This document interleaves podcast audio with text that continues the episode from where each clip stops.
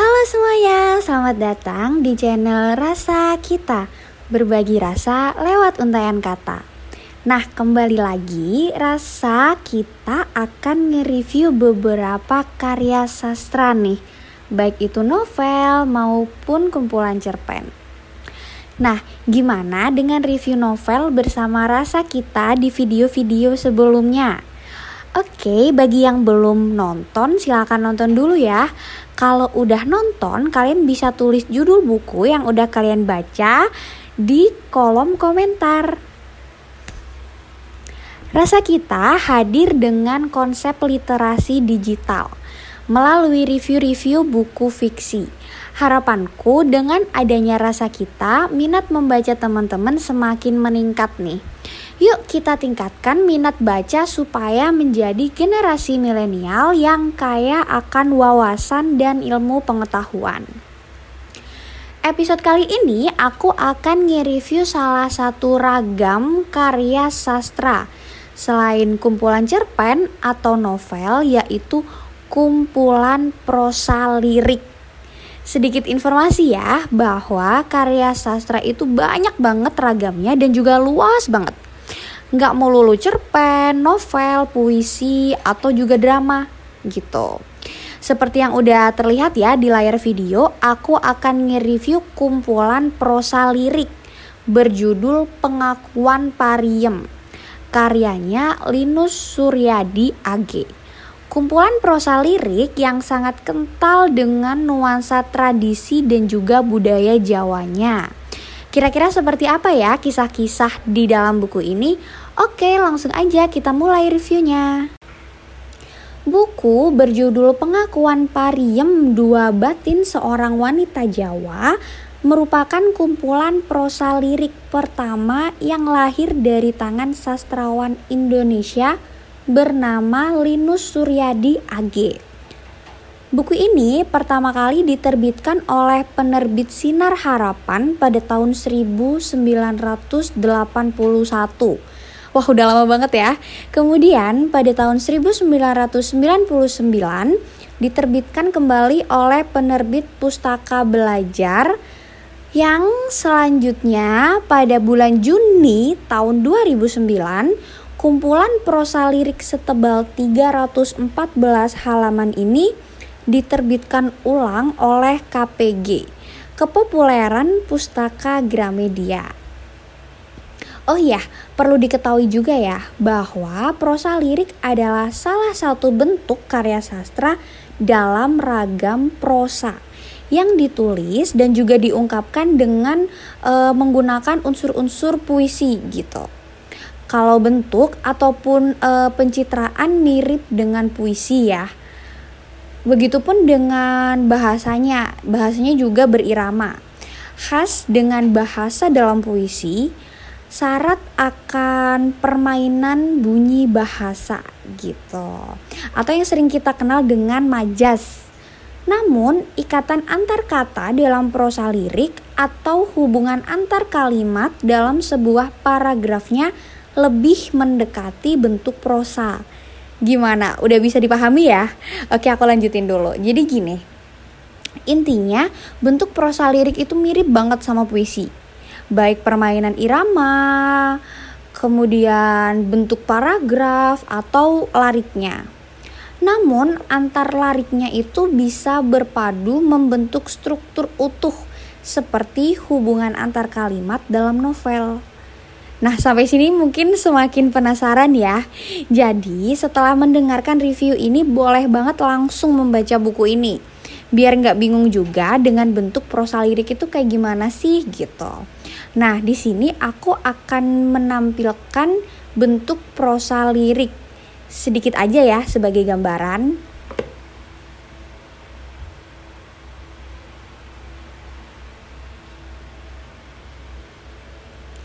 Melalui sudut pandang orang pertama, tokoh utama yang bernama Pariem menggambarkan dengan gamblang dan lancar bagaimana tradisi dan juga budaya Jawa yang begitu kental berdiri di tengah-tengah masyarakat feodal yakni hubungan antara masyarakat yang didominasi oleh kaum bangsawan. Setting dalam prosa ini berada di tahun 1970-an di Yogyakarta. Karena terdapat larik yang menunjukkan keadaan pasca G30S PKI dan menyebut nama Raja Sri Sultan Hamengkubuwono ke-9 yang berkuasa pada tahun-tahun tersebut. Nah, karena bentuknya prosa lirik ya, jadi buku ini tuh tidak dibagi menjadi beberapa bab atau subbab. Uh, jadi kayak melainkan hanya dari satu bab aja nih yang menceritakan kisahnya Pariem sejak dilahirkan sampai Pariem sendiri itu melahirkan seorang anak gitu. Artinya dari Pariem bayi sampai Pariem menjadi seorang ibu. Dengan begitu dapat dikatakan kalau prosa ini menggunakan alur maju sekalipun alur maju, aku benar-benar menyarankan untuk membacanya pelan-pelan. Karena substansi ceritanya itu nggak ringan banget menurut aku. Jadi kalau aku ngebacanya itu harus diulang-ulang gitu, baru aku bisa paham. Nah, pada bagian-bagian tertentu, terutama ketika membahas perihal doa, dosa, dan juga falsafah hidup, hmm, itu menurut aku susah ya. Jadi aku bener-bener mengulang-ulang terus bab itu kayak gitu. Selain itu di dalam buku ini juga terdapat beberapa tembang Jawa. Baik itu tembang dolanan maupun tembang mocopat. Di mana tembang-tembang tersebut syarat akan pesan moral yang kental banget dengan nuansa Jawanya. Baik tata krama, pergaulan antar sesama ataupun hubungan antara manusia dengan Tuhan gitu nih teman-teman. Nah, jenis dan makna dari tembang dolanan dan tembang mocopat itu bisa kalian pahami setelah membaca langsung buku ini ya. Oke. Uh. Spoiler dikit, diceritakan kalau Pariem terlahir sebagai perempuan cantik banget dari Wonosari Gunung Kidul. Dari keluarga seniman gitu. Karena kerusuhan peristiwa G30 SPKI, orang tuanya Pariem ini tuh kehilangan pekerjaannya gitu. Hingga kemudian berprofesi sebagai petani. Demi membantu mengatasi kesulitan orang tuanya, Pariem bener-bener rela banget bekerja sebagai pembantu rumah tangga di dalam Suryo Mentaraman Ngayogyakarta. Setelah rela, perlu digarisbawahi ya. Karena karakter kuat dari Pariem adalah seorang yang lilo atau nerimo ing pandum dengan segala nasib hidupnya. Sekalipun dirinya harus terlahir sebagai seorang babu. Pariem benar-benar berusaha banget untuk patuh dan juga tunduk serta mengabdikan diri sepenuhnya kepada Doro Kanjeng Sentono dan keluarganya. Nah, karakter ini yang membuat aku bener-bener kagum sama Pariem. Karena nggak semua orang bisa memiliki jiwa nerimo ing pandum. Suatu ketika, Pariem, Pariem maksud aku ya, Pariem ini menaruh rasa kepada anak Doro Kanjeng yaitu Den Bagus Aryo Atmojo, mahasiswa filsafat di Universitas Gajah Mada keduanya ini saling suka gitu, saling mencintai, cie. Nah, hingga mereka nggak lagi memandang adanya majikan dan juga pembantu. Pada akhirnya di dalam rahim Pariem tertanam benih dari Den Bagus Aryo Atmojo itu tadi. Pada bagian ini yang benar-benar membuat aku terkejut karena sikapnya Pariem yang benar-benar lilo banget yang uh, Pariem miliki ini ternyata mencakup keseluruhan, nggak terbatas pada bagian kehidupan tertentu saja. Artinya Pariem rela mahkota perempuannya direnggut oleh anak majikannya atas dasar cinta. Nah, kira-kira seperti apa dampak yang harus ditanggung Pariem dan Den Bagus? Apakah akhirnya mereka akan menikah? Nah, jawabannya akan segera kalian temukan ya kalau kalian ngebaca novel ini.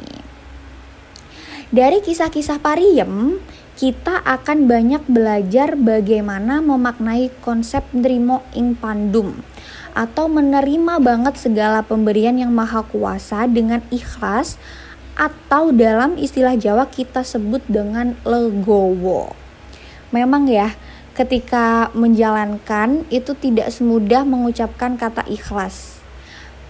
Pariem adalah potret perempuan Jawa yang benar-benar menerapkan konsep tersebut dalam kehidupannya. Itulah mengapa Pariem nggak pernah sedikit pun menyesali hidupnya meskipun ditakdirkan sebagai seorang babu serta hidupnya yang penuh lika-liku itu. Diri Pariem juga mengajarkan kita untuk tetap memegang teguh tradisi dan juga budaya di tengah kehidupan yang modern. Namun ada satu sisi nih yang tidak untuk ditiru dari dalam diri Pariem, yaitu sikap nerimonya atau kepasrahannya gitu.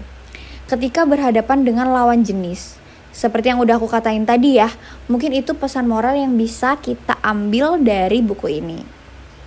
Jadi aku sangat ngerekomendasiin buku ini untuk dibaca karena banyak banget wawasan dan juga ilmu pengetahuan di dalamnya.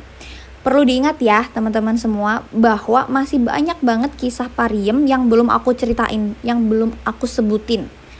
Novel ini juga bisa kalian beli dengan kisaran harga 60.000 di toko-toko buku terdekat atau kalian bisa membaca buku versi digital resminya melalui aplikasi Ipusnas.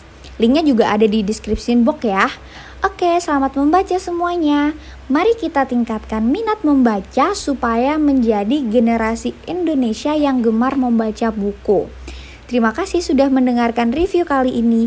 Jangan lupa like, komen, dan subscribe. Tombol loncengnya jangan lupa dinyalakan ya. Sampai jumpa di review-review sastra selanjutnya. Selamat beraktivitas.